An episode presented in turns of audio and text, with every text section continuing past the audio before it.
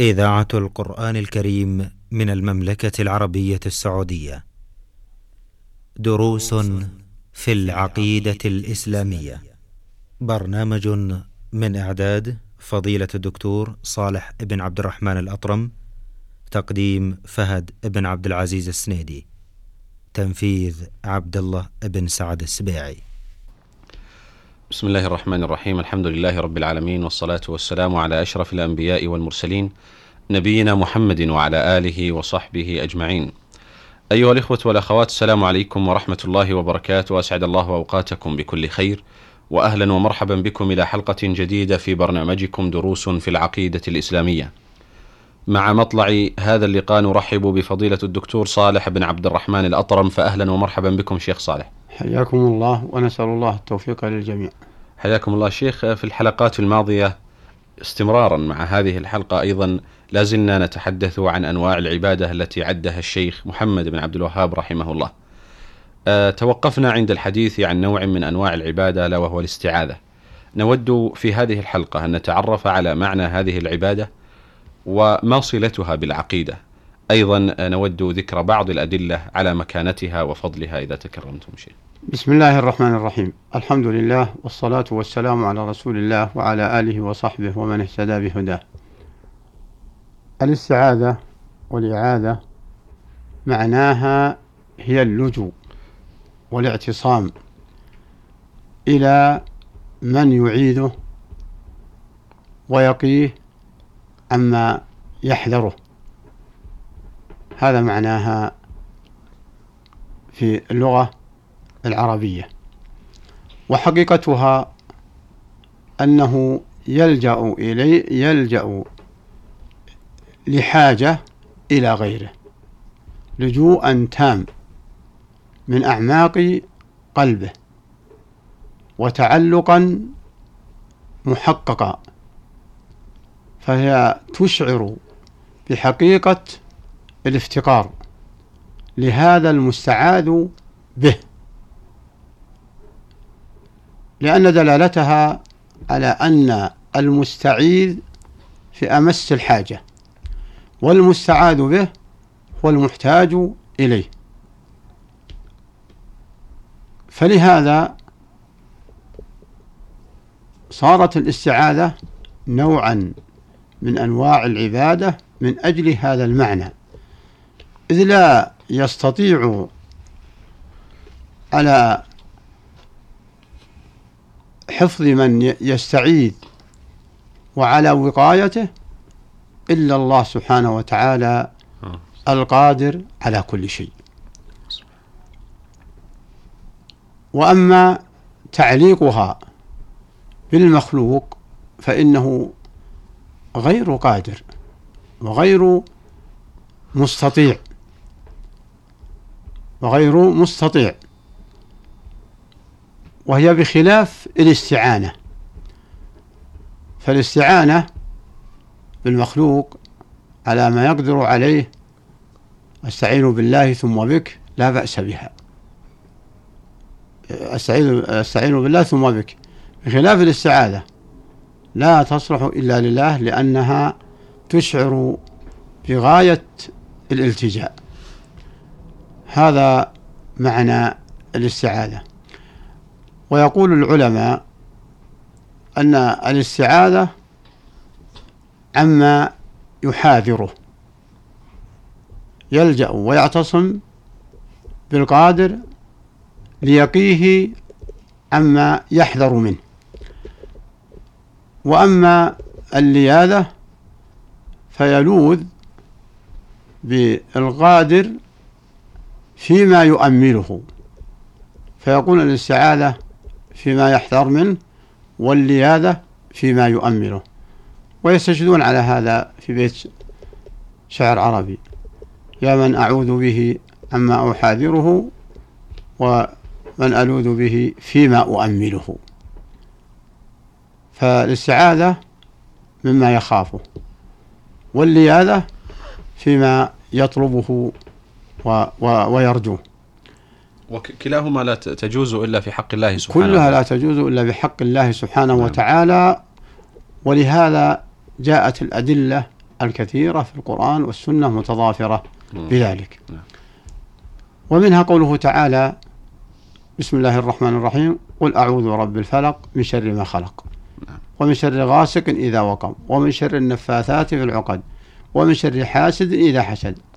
فهذه مخلوقات فيها شر دقيق وخفي لا يستطيع أن يحيط به وأن يقي الإنسان منه إلا الله سبحانه وتعالى نعم. الذي خلقه لذا أمر أن يلجأ ويعتصم بالله برب الفلق أي الذي فلق هذا الصباح وهذا النور من الظلام. ومعلوم أن الظلمة مخيفة. فالذي قدر على أن يزيل هذه الظلمة بأن فلق الصباح فإنه يقدر أن يقيه من شر أن يقي عبده من شرها إذا استعاذ به. وهكذا القمر إذا غاب فإنه إذا غاب مقتضاه الظلمة. وهكذا النفاثات في العقد الساحرات. وهكذا الحاسد فإنها فإن الحسد من أعظم الشرور. وهو شر خفي لا يستطيع الإنسان أن يتحرز منه. وهكذا النفث في العقد. فأمر الله باللجوء إليه سبحانه وتعالى القادر على حفظ من لجأ إليه. وهكذا أمر الله المسلم أن يستعيذ برب الناس وبالملك وبالإله. فمن جمع هذه الصفات الثلاث فإنه القادر على أن يقيك من شر, من شر خفي. لا يستطيع أن يتحفظ منه أي إنسان وهو الشيطان. قل أعوذ برب الناس ملك الناس إله الناس من شر الوسواس الخناس. الذي يوسوس في صدور الناس من الجنة والناس. من هذا؟ هذا هو الشيطان. هذا هو إبليس. هو إبليس. فأمر الله سبحانه وتعالى باللجوء إليه والاستعاذة به لأنه لا يقدر على عصمة المسلم من هذا العدو اللدود إلا الله سبحانه وتعالى. قل أعوذ برب الناس ملك الناس. فإذا فرب الناس ومالك تصرفاتهم وإلههم أي معبودهم وحده سبحانه وتعالى. هو القادر على حفظك.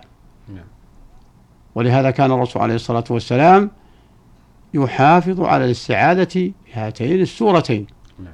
وبسورة الإخلاص وبآية الكرسي وبآية الكرسي فإن الورد بما ورد من القرآن والسنة من أعظم الأسباب على حفظ الإنسان من الشيطان وأقوى الأسلحة عليه وجاءت الاستعاذة في القرآن في موضوع في عدة موضوعات كثيرا جدا.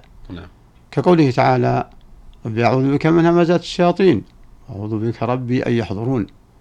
وقال تعالى وإما ينزغنك من الشيطان نزغ. فاستعذ. بالله. وقال فإذا قرأت القرآن فاستعذ بالله من الشيطان. الرجيم. إنه ليس له سلطان على الذين آمنوا وعلى ربهم يتوكلون. ما, هذا الأمر الاستعاذة بالله؟ إلا لخفاء عداوته. التي لا تظهر للعيون ولكن ولكنه ذو ذو دقة وخفاء في الدخول على المسلم خاصة لأن الكافر قد انتهى منه. قد انتهى منه وقد جاء التعوذ بالله من الشيطان الرجيم في القرآن بأكثر من نعم. آه، نص. وهكذا في ال- الأوراد. نعم. وقال تعالى وأنه كان رجال من الإنس يعوذون برجال من الجن فزادوهم رهقا. هذه الآية نزلت في أناس من الإنس.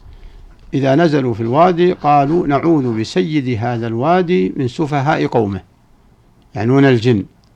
فنزلت هذه الآية تنكر عليهم وأن الاستعاذة بالله وهو القادر على عصمتهم. من شياطين الجن وشياطين الإنس نعم. ولهذا عاب الله عليهم بقوله وأنه كان رجال من الجن رجال من الإنس يعوذون نعم. برجال من الجن فزادوهم رهقا ما زادوهم حفظ نعم. فلا يحفظهم إلا الله ووسا ووسيلة حفظ الله للمسلم بهذه الاستعاذة نعم. والخلاصة أن الاستعاذة نوع من أنواع العبادة الذي يتعبد بها المسلم ربه وأنه إذا استعاذ بغيره فيما لا يقدر بغيره في ما لا يقدر عليه إلا الله فإنه يعتبر شرك نعم نعم.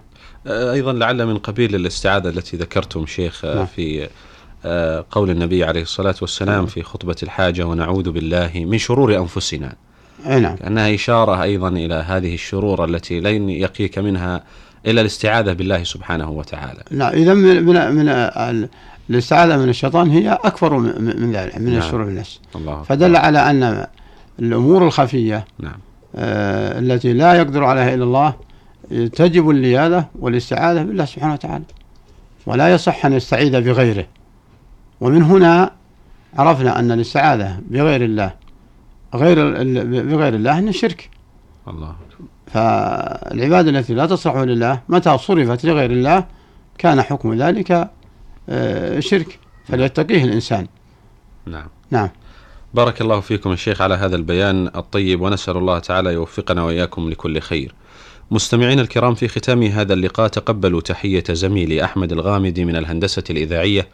لنا بكم لقاء في حلقة قادمة. بإذن الله نستودعكم الله. والسلام عليكم ورحمة الله تعالى وبركاته. دروس في العقيدة الإسلامية. برنامج من إعداد فضيلة الدكتور صالح بن عبد الرحمن الأطرم تقديم فهد بن عبد العزيز السنيدي تنفيذ عبد الله بن سعد السبيعي.